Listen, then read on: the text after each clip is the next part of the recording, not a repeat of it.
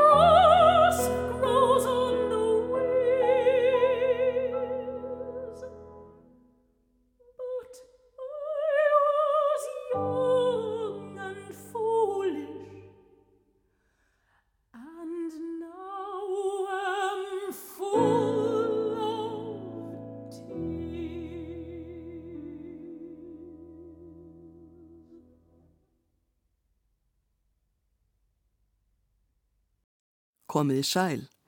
Hér á undan söng Golda Schultz lægið Down by the Sally Gardens eftir Rebecca Clark. Jonathan Ware leik með á piano. Lægið er samið við ljóð eftir William Butler Yeats. Rebecca Clark fættist í Englandi árið 1886 og er jafnan talinn til breskra tónsmiða en fadir hennar var amerískur og móðir hennar þísk. Rebecca lærði ung að leika á fýðlu og stundaði nám við konunglegu tónlistarakademíuna í Lundunum, Royal Academy of Music, á árunum 1903 til 1905. Síðar hjælt hún tónlistarnámi sínu áfram við konunglega tónlistarháskólan, Royal College of Music og var ein af fáum konum sem lærðu tónsmíðar hjá Charles Villiers Stanford en hann var virt tónskáld og kennari. Stanford kvatti Rebekku til þess að helga sig víóluleik fremur en fyluleik og hún lærði víóluleik hjá Lionel Tertis sem var einn af bestu víóluleikurum tónlistarsögunar. Sjálf varð Rebekka úrvalsvíóluleikari þegar framliðu stundir og frægustu verkennar eru samin fyrir víólu. Eftir að hún hætti í konunglega tónlistarháskólanum árið 1910 vann hún fyrir sér með víóluleik og Henry Wood réði hana við hljómsveitina í Queen's Hall árið 1912 en á þeim tíma leku örfáar konur í hljómsveitum. Hún varð brátt eftirsóttur hljóðfæraleikari og kom fram með mörgum frægum tónlistarmönnum svo sem Pablo Casals og Jascha Heifetz. Árið 1916 fluttist Rebecca Clark til Bandaríkjana og árið eftir, 1917, samti hún verkið Morpheus fyrir víólu og piano. Í februar 1918 frumflutti hún verkið á tónleikum í Eolian Hall í New York á samt pianoleikaranum Catherine Ruth Heyman. Tvö önnur verk eftir Rebekku voru á efnisgrá tónleikana og þar sem henni fannst vandræðalegt að hafa of mörg verk eftir sjálfa sig á efnisgráni notaði hún dullnefnið Antoni Trent sem höfundarnafn fyrir Morpheus. Gaggrínendum þótti ekki sérlega mikið koma til þeirra verka sem voru mert með nafni Rebekku Clark en Morpheus eftir Antoni Trent fekk mikið lof. Við hlýðum nú á verkið Morpheus. Í grískri goðafræði var Morpheus Guð Svepsins og í samræmi við það er tónlistin hæg og dreymandi. Philip Dukes leikur á víólu og Sofía Raman á piano.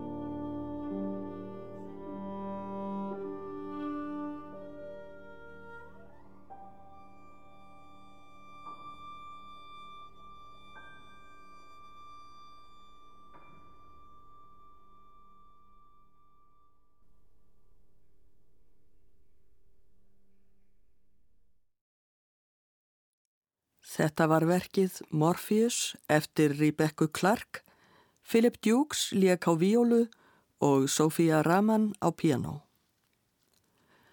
Árið 1919 samti Rebecca Clark víólusónutu og sendi hana í samkeppni sem haldinn var á vegum Elisabethar Sprague Coolidge en hún var þektur listunandi og stuðningsmæður tónlistarmanna. Í keppninni komu nöfn tónskáldanna ekki fram fyrir en eftir atkvæðagreðslu. Tvö verk fengu flest atkvæði og voru jöfn en Elisabeth Coolidge var þá látin greiða úrslita atkvæðið svo að einn sigur vegari fengist. Þegar hinn innsikluðu umslög með nöfnum keppendanna voru opnuð, kom í ljós að sigurverkið var svíta eftir Ernest Bloch, en verkið sem næstum fekk jafnmörg atkvæði var Víólusónata Rebecca Clark.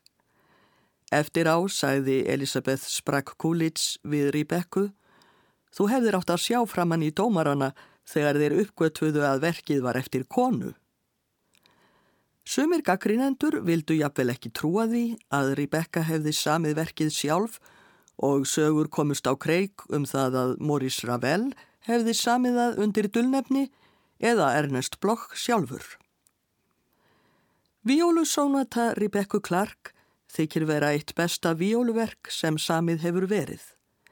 Sem motto fyrir verkinu setur tónskáldið á fremstu síðuna brot úr ljóðinu Mænóttin eftir franska skáldið Alfred de Musset. Skáld, tak lútuna þína, vín æskunnar gerjast þessa nótt í æðum Guðs. Hér verður nú leikinn Víólussónata eftir Rebecca Clark. Þættirnir eru þrýr, hinn fyrsti mertur Impetuoso með óþreyju annarkablin Vivace fjörlega og lokakablin Adagio hægt. Garfield Jackson leikur á víólu og Martin Roscoe á piano.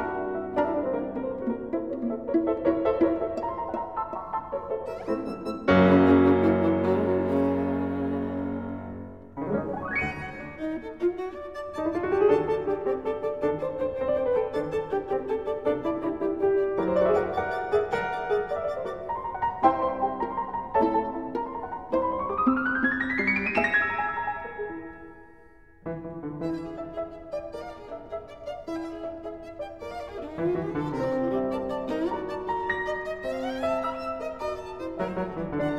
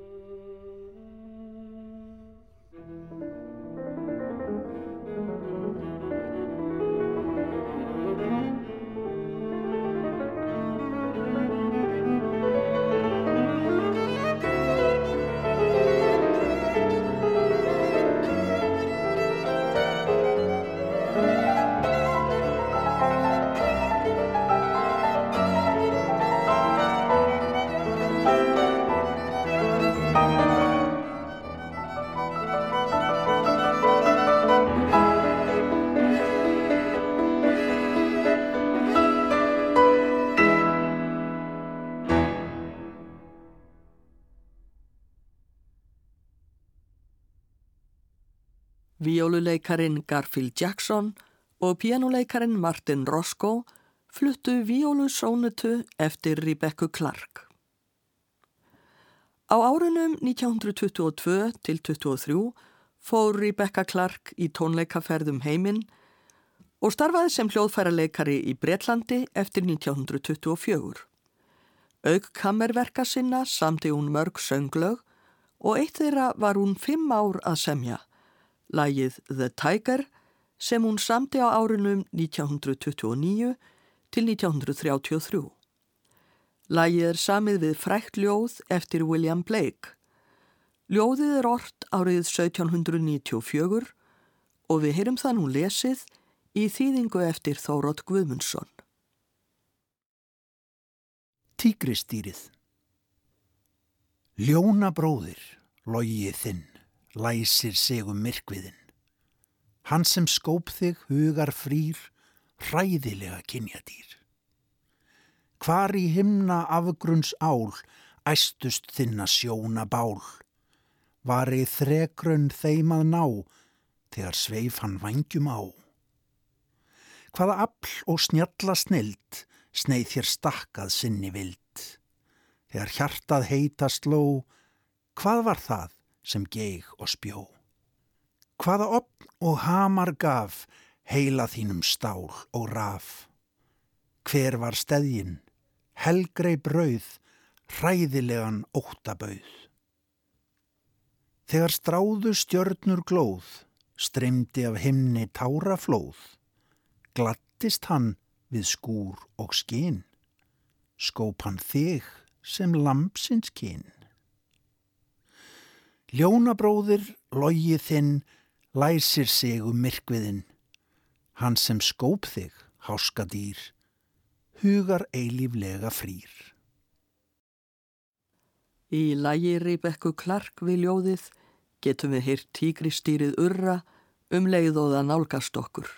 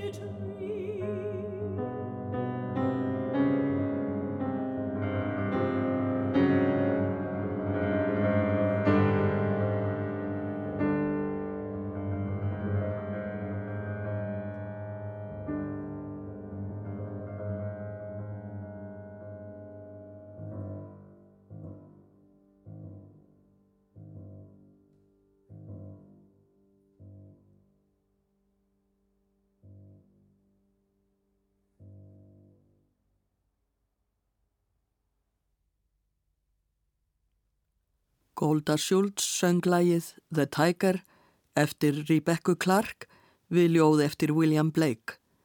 Pianoleikari var Jonathan Ware. Senni hluta æfisinnar bjó Rebecca Clark í bandaríkunum. Árið 1944 giftist hún tónlistarmanninum James Friskin sem hún hafði kynst á námsárum sínum í Englandi. Eftir að hún giftist hætti hún að mestu að semja tónlist þrátt fyrir kvartningu frá manni sínum. Tali er af hálæti sem verkum hennar var sínt hafi átt þátt í þessu.